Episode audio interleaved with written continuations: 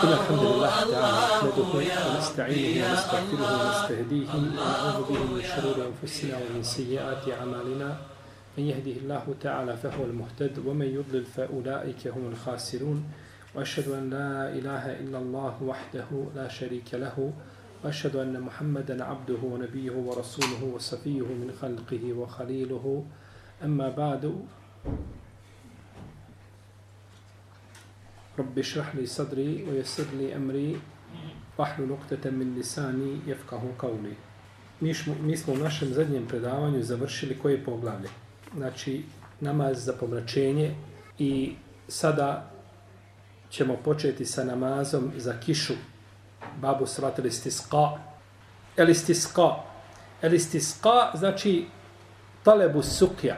Znači traženje vode. Traženje vode.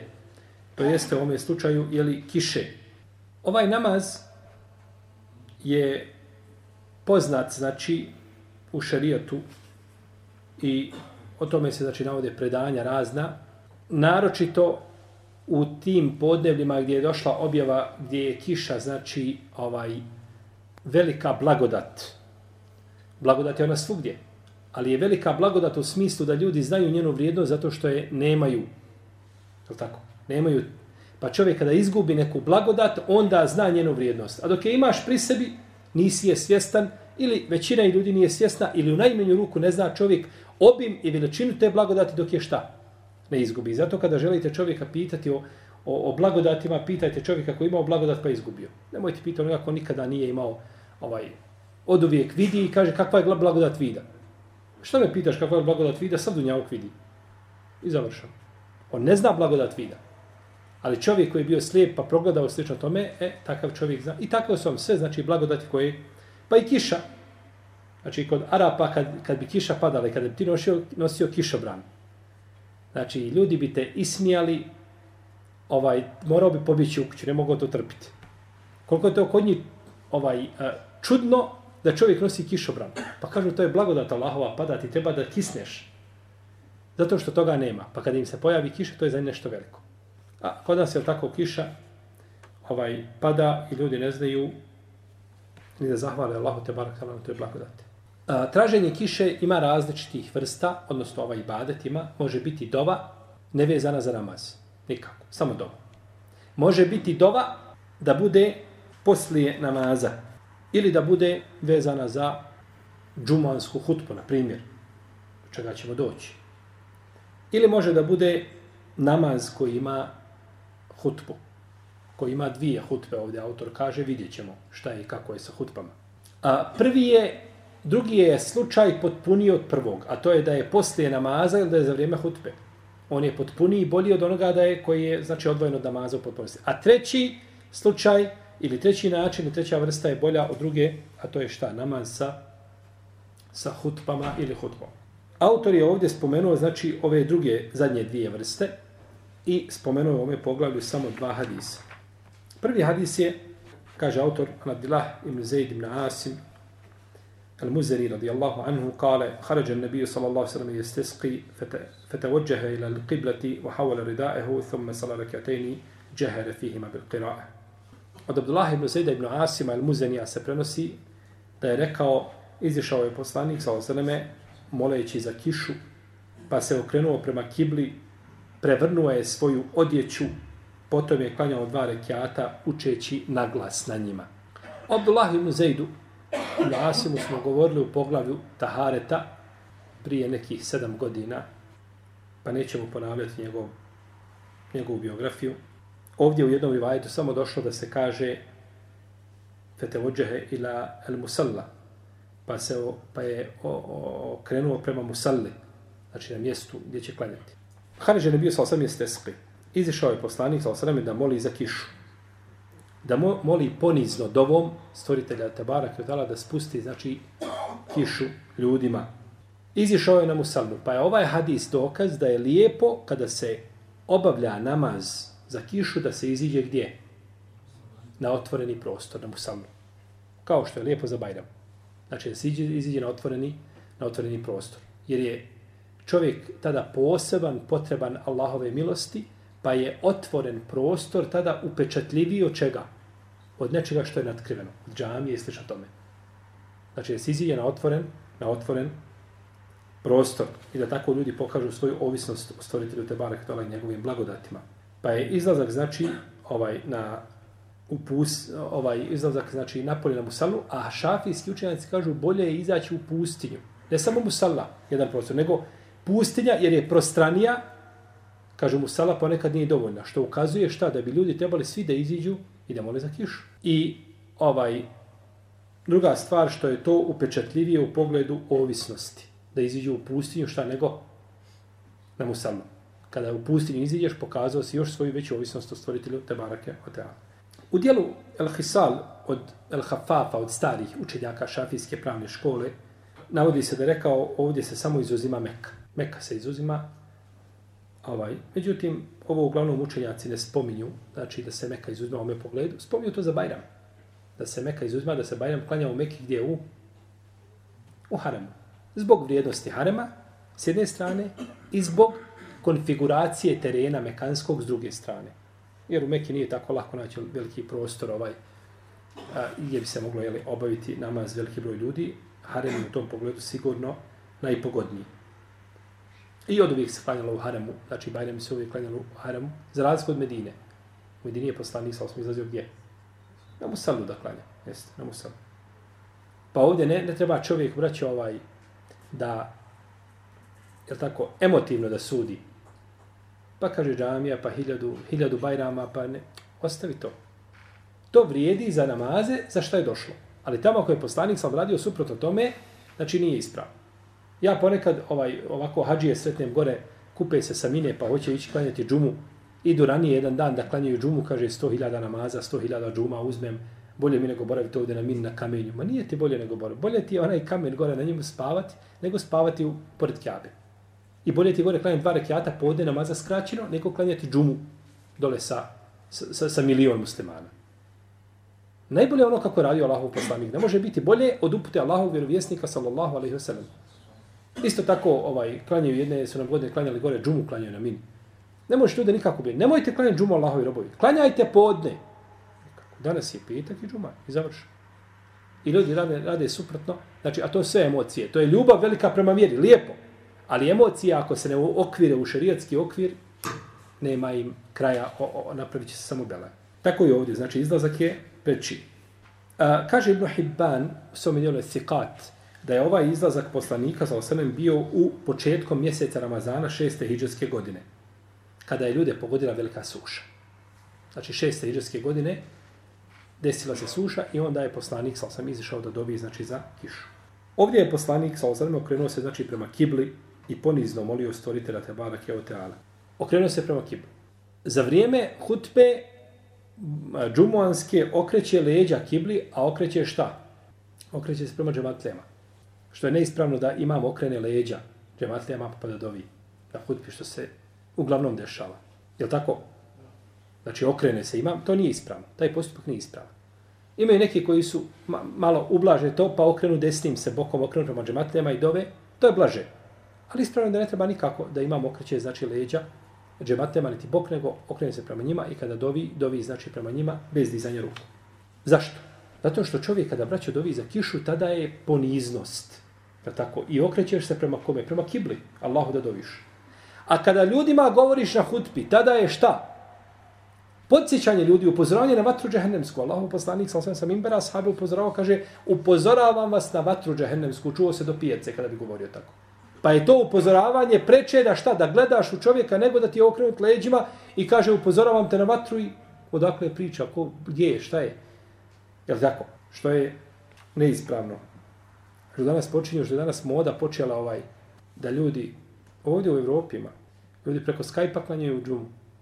Imam Efendija ovdje, ona je tamo negdje preko puta, skroz drugi objekat i tamo preko Skype-a ga gledaju, preko Skype-a se klanja džuma i ovaj, bojim se da će biti jednog dana, to je u Jordanu bilo davno, jedan el ezanu muvahad zovu ga, jedinstven ezan. Uči se ezan na radiju i samo se tamo pusti od, jel, tako, na stanici i kada zauči onaj tamo, cijeli aman u jedno vrijeme uči ezan. I onda su naši šehovi govorili, kaže, bojimo se, kaže, da će jednog dana biti, kaže, ovaj, i zajednička džuma, da će svi slušati jednu hutbu. I to nije daleko. Da jedna hutba bude tamo, onaj sjedi, on pročita jednu hutbu, što mu je tamo neko pripremio i sastavio, ovi drugi slušaju, i imam predvodi, ovi ga paze na, na ekranu, i to je to. Što je znači, ovaj, nedaća. Nama nije cilj, naravno, da spominjemo ni džemate, ni ta zanima gdje je to, apsolutno, ali, ali je to jedno da se tako radi.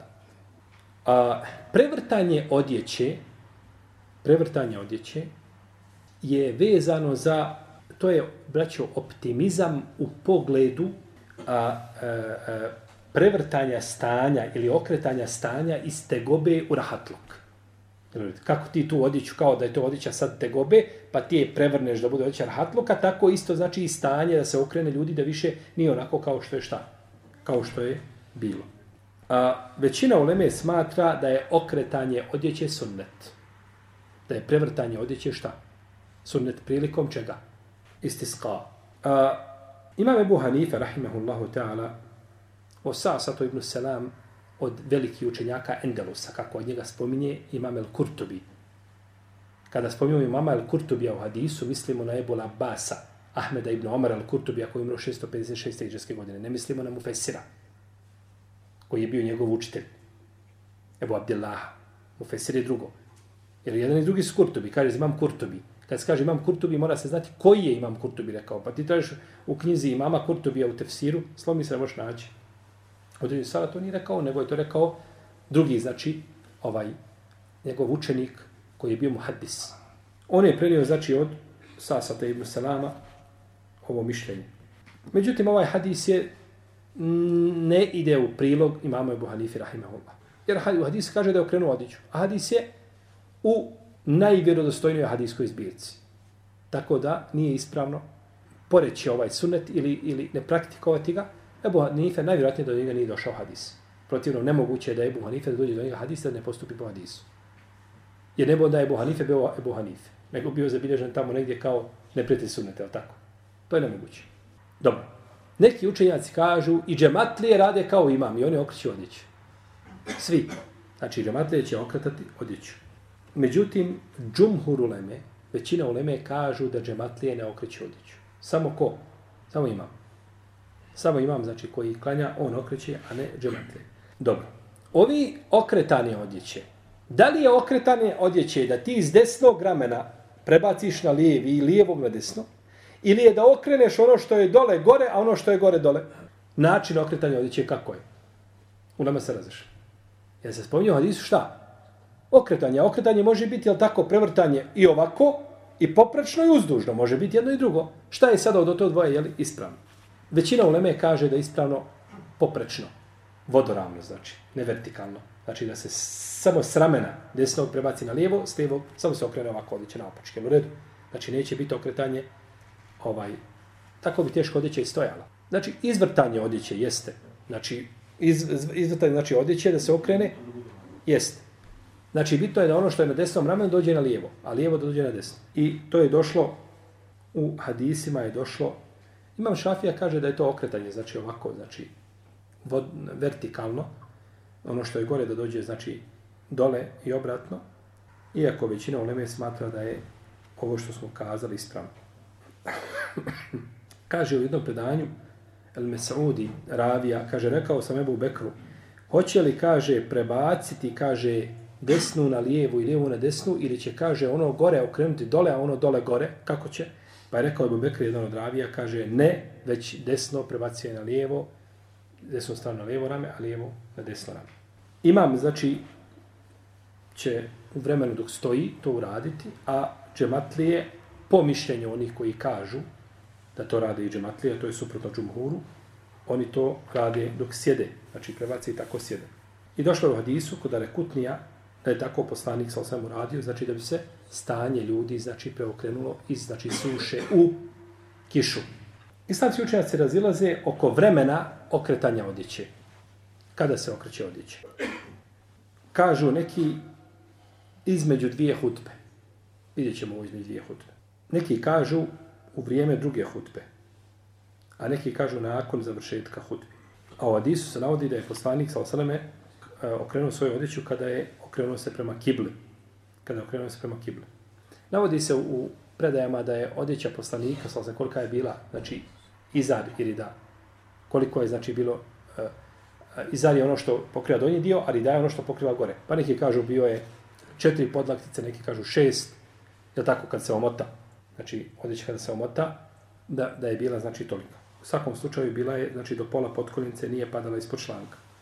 A, da li je hutba prije namaza ili namaz prije hutbe? Kod džume je šta? Prije namaza. Kod bajrama je šta? Poslije. Na arefatu je bešire. Bujrum. Kako smo mi klanjali bešire? Je namaz prije hutbe ili poslije hutbe? Hutba je šta? Prije namaza ili poslije namaza? Prvo smo klanjali podne, pa onda hutba bila.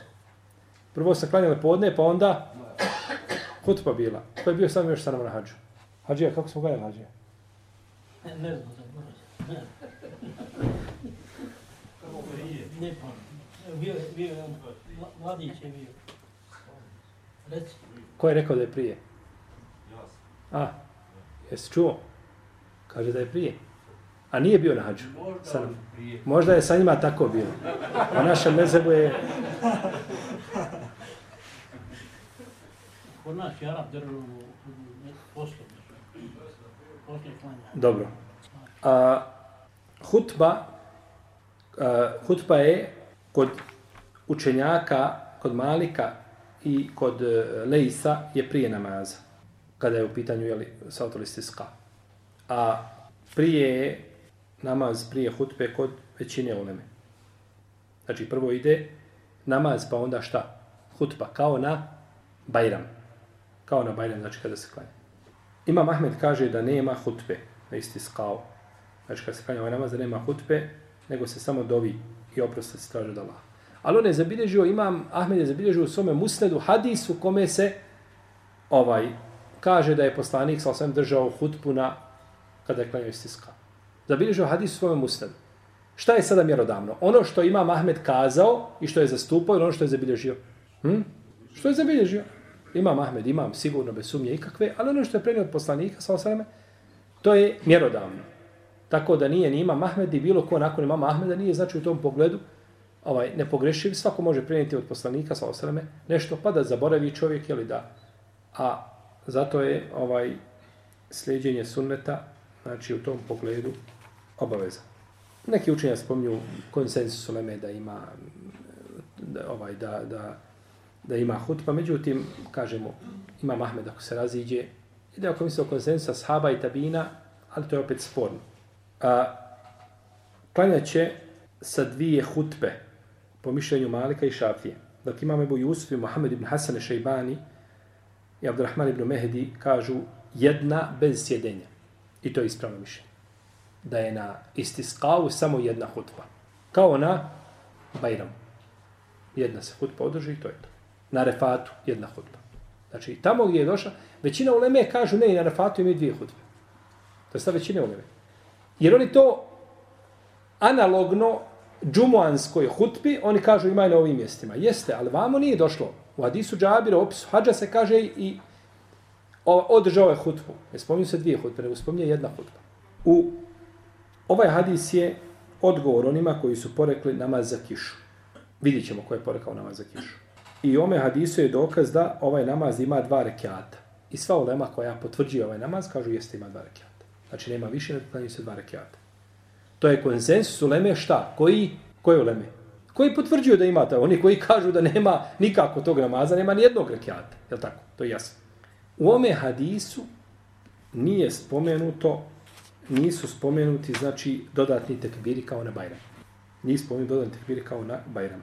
Šafija kaže da imaju ovi tekbiri, to je dobro Ibnu Đarir, i to je dobro Ibnu, Ibnu Musejib i Omar Ibn Abdelaziz Mekhul, Ibnu Semin je odobro to mišljenje.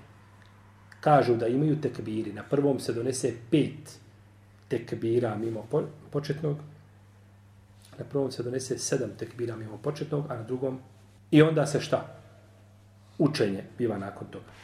Većina uleme kažu nema tekbira. Nema tekbira. Neki su učenjaci kao Davud ibn Ali kazali može čovjek birati, hoće doneti i neće doneti.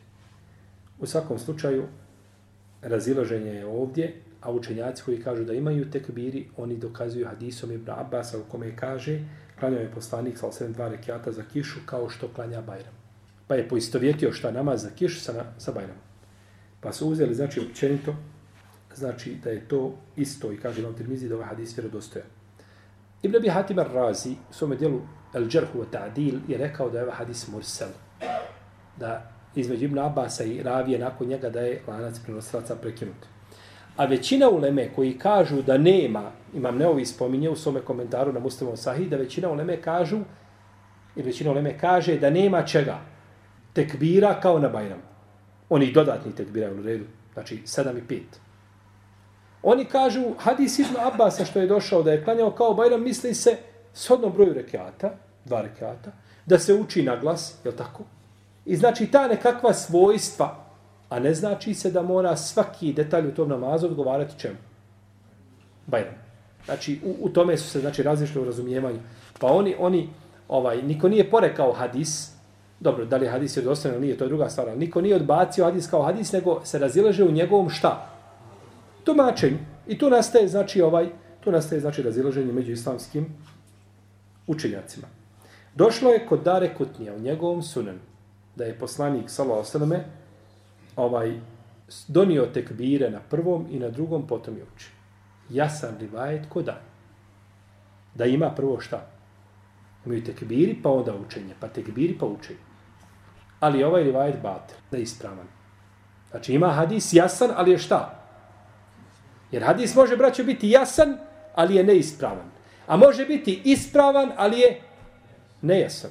Pa ni jedno ni drugo ne može dokazivati sa njim. Nego moraš imati ispravan i jasan argument. Kažemo nejasan, a da je zaista nejasan. Ti zaključiš, imaš ispravan argument, ovaj, pitaš čovjeka kojom se džamio, kojom se nogom ulazi u džamiju, kaže desno. Kaže šta ti je dokaz? Kaže uzvišenje, Allah kaže u Kur'anu, kul hu Allahu ehad. Allah je jedan. Je li argument ispravan? Jeste. Ni, ne samo da nije jav, ne može biti nikako dokaz za to mjesto, ne može sa njim dokazivati. Ne, kao kad su rekli, nije jasno, naravno nije ispravno, smisli, nije ispravno dokazivati sa njim, jel? Jasno, jasno. Razumijemo se. Ima rivajet kod imama e, Hakim u njegovom stedraku. On, je, on, on, on ga ocenio ispravnim u je spominio tekbir. Tako da, ha, stvari ovdje ići hada i procjene, znači i hadisa Ibn Abbas, općenito sa hadisa Ibn Abbas da je klanjao kao što klanja Bajram, to bi moglo biti. Ibn Semin je uzeo, znači, kaže, Bajram isti ska, isti. Nikakve razlike nema. Za isto. Došao Hadis Ibn Abbas i završeno. Ibn Semin je bio od ljudi koji su samo išli za argumentom. Rahimahullahu ta'ala. I zaista ko čita knjige tog velikana vidi, vidi znači, njegovu, njegovo vezanje za sunnet. I, I koliko je znači ovaj bio a, a, vezan za argument. I kad nešto spomene Hanbelijskoj pravnoj školi, kaže ovo nema argumenta. Ma džaba što je Hanbelijska pravna škola se njoj pripisuje. On znači nikako to nije prihvatao skoro sam jedan dan sam se smijao, čitam njegove fetve i on tamo pita ga čovjek nešto i on kaže, prije kaže nego što odgovorim, kaže da kažem da ovakvi ljudi kaže ne zaslužuju opće odgovor, nikako. Ti prvo ne zaslužuješ odgovor, ali to ja ću ti odgovoriti. Jel kad se već pitao. On je napravio nekakve belaje tamo na hađu, tek prošlom godina dana, on pita, ovaj, ti si dužan da, da brineš o svojoj vjeri. Kao ona muslimanka što je otišla, muž je razveo trudnu. I ona se pokupio od njega. I uda se trudna za drugog. Znači, kad se udala trudna za drugog, on je razvede nekakvu trudnoću, ode kod trećeg, porodi se kod njega, nakon toga ispetlja i onda nazvala našeg šeha, a Ebu Bedi Mešuru ibn Hasan ali Salvana i kaže mu kakav je propis. Jer tebe puno zanima propis, sestra. Tebe da zanima propis, ti bi s početka pitala odmah šta ti smiješ, šta ne smiješ. Nego napravila sebi tovar belaja i treba zato konciliju leme da sjedne da, da, da riješi tvoj problem i nakon toga ti kažeš kakav je propis. Pa čovjek mora znači pitati o svojoj o svojoj vjeri. Ibn Semin kaže isti su Bajram i šta? Namaz za kišu. Znači nema nikakve razlike među njima. Dobro. Ulema se razilazi da li će čovjek onda tekbirati do Musale. A tako, da izlaze na Bajram, lijepo je da šta? Da tekbira. Ima hadis od poslanika, sa osam šejih Albani ga spominje u svojim sahih silsilama. Sjećam se, da li je šest ili tedmi, sedmi tom, ne mogu sad kazati tačno, uglavnom spominje ga da je, da je poslanik kada bi izlazio da bi tekbirao. To se prenosi našite u knjigama kad se spominje imao od Ibnu Omara, imao da sahaba, ali ima rivajet od poslanika, sa osvijem, kada je izlazio na Musalu da bi šta? Da bi tekbirao. I imaju dva slaba rivajeta koje je šejh Albani pojačao i kaže da se može raditi po njima. Dobro. Ja sada izlazim namaz za kišu. Hoću li ja isto tako tekbira do Musale? Znači, raziloženje među islamskim učenjacima kao znači po pitanju ove ovih prethodnih pitanja. Mnogi su učenjaci odobrali da hoće od njih su uh, Ibn Musaib, Omer Ibn Abdelaziz, Mekuli, i to se prenosi od Malika i drugih. Uh, učit će na, ovim, na ome namazu na glas po konsensusu učenjaka. Po konsensusu učenjaka. Zato što je došlo od Isu prije toga šta? Kaže, i učio je na glas na njima. Učio je poslanik, sam sam na glas na tim namazima. Pa je ulema, znači, zbog jasnoće čega? Argumenta složili se da da se, znači, uči na glas. I ovo je, braćo, najljepši fik što može biti, jeste fik koji je praćen argumentom. Fik samo rekla, kazao, rekao, kazao, to je lijepo. Riječi u Leme su zaista jake i na mjestu i i imaju, ali te riječi ako se odvoje od hadisa, to je isto kao kada odvojiš malo dijete od majke. Kao kada ribu izvediš iz mora i staviš je na suho. E to vam je, to su riječi u Leme bez, bez argumenta. Jer Alim kada je govorio, nije govorio bez argumenta i nije htio da iko njegove riječi prenosi kao riječi da one budu dokaz neprikosnoven, a da se zapostave hadisi. To niko nije kazao od Oleme. Pa su oni samo, znači, posrednici između nas i poslanika, samo samo u smislu razumijevanja, jer sigurno da mi ne možemo sad razumjeti ono što mogu oni. A u protivnom, znači, dužno se ljudima da uvijek vraćaju na argumente, na ono što je rekao poslanik, sallallahu alaihi wa sallam. Kaže se ovdje, kaže, i učio je naglas na njima. Ovaj hadis bilježi imam Buharija. Nije ga zabilježio muslim. Pa je autor trebao da ukaže na učinjenica, nije ukazao. Bilježi ga samo ko? Buharija. Zato kada sam govorio na početku, rekao sam ovaj hadis je zabilježen gdje? Sjećao sam rekao. Rekao sam u najvjerodostojnijoj. A nisam rekao najvjerodostojnijim. Nego najvjerodostojnijoj kod koga? Kod Buhari, nije kod muslima zabilježen. Pa je znači ovaj hadis u ovoj formi od rivajeta imama Buharije, rahimehullahu ta'ala. Yes. U ome hadisu je dokaz da se namaz za kišu klanja u džematu. Jer su ljudi izišli šta sa poslanikom sa osrme i klanjali. I ome hadisu je dokaz koji ne ide u prilog našem imamu Ebu Hanifi, rahimahullah, koji poriče ne samo džemat, nego poriče ovaj namaz u osnovi. Kod Ebu Hanife nema namaza za kišu. Ebu Hanife to ne priznaje. Za razliku od ostale uleme, znači kompletne, čak i mnogi učenjaka Hanefijske pravne škole koji su na, na osnovu ovih argumenta priznali, znači pri, pri, prihvatili ili ova predanja. Ebu Hanife kaže, imamo prvo ajet u Kur'anu, kome uzvišeni Allah kaže فَكُلْتُ اسْتَغْفِرُوا رَبَّكُمْ إِنَّهُ كَانَ غَفَّارًا يُرْسِلِ السَّمَاءَ عَلَيْكُمْ مِدْرَارًا وَيُمْدِدْكُمْ بِأَمْوَالٍ وَبَنِينَ وَيَجْعَلْ لَكُمْ جَنَّاتٍ وَيَجْعَلْ لَكُمْ أَنْهَارًا U suri Nuh. I rekao sam, molite svoga gospodara, on je zaista taj koji oprašta. On će vam obilnu kišu sa neba slati. Pa je u Kur'anu spomenuto za kišu šta? Dova. Kaže, nema. Ima li to svoje mjesto? Ima. Kako nema svoje mjesto? U Kur'anu nije spomenuto znači šta? Namaz, nego je spomenuto dova. Međutim, naša je dužnost da spojimo kuransko-hadijske tekstove da ih pomirimo. Pa nema razlike između toga da doviš, između toga šta da? Da klanjaš namaz. Pa radiš i ovo, i ovo, i ovo, sve što je radio Allah poslanik salosrme i što je spomenuto znači u Kur'anu. To je jedno. Drugo kažu kada je čovjek došao, naredni hadis ćemo vidjeti, kada je čovjek došao na hutbu, poslanik salosrme na hutbi, pa mu kaže Allah poslanik, je tako, suša uništi sve. Pa je dovio. Kaže, nije klanjao. Nije klanjao. Kaže, da je bio namaz, on bi klanjao taj namaz, a ne bi dovio. Iako većina uleme odgovara da je to bila da je to bila džuma. Pa se poslanik sal zadovoljio dovom i namazom džumom koji je vrijedniji od, od samog namaza za kišu. Zadovoljio znači, jeli, sa njim. Ulema je složna da ima istiska. Pazite što govorim. Ulema je složna da ima istiska. Je to tačno? Nije. Dobro, što nije? Pa ne može sam da Hanife da, da kaže da nema isti stav. Mhm, dobro. Ili, ili on kaže da ima isti stav, ali samo, samo on kao za ova. Ne kao nama. Ja, jesam ja rekao salatu ili istiska ili sam rekao istiska? Istiska je traženje kiše. Ili, ili, Traženje kiše, znači ulema je složna da ima traženje kiše. Samo se razilaze oko čega? Oko forme toga. Je li to dova? Je li to dova prije namaz, posle namaza ili za vrijeme hutbe ili je šta? Namaz sa hutbom. Oni se razilaze oko forme, a u osnovi svi potvrđuju šta? Propis. Pa je propis traženja kiše aktuelan kod svi, samo se razilaze oko forme. Jel u redu?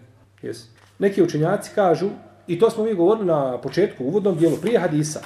Prije hadisa, kad smo govorili, uvodni dio, ja sam spomenuo, znači ova tri, jel tako? To smo spomenuli.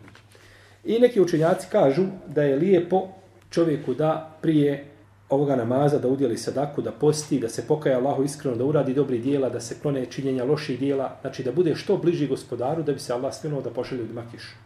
I ovaj, u ome spogledna ovdje čak i rivajeti koji bi se mogli prihvatiti kao autentični, znači koji ukazuju na ovaj smisao.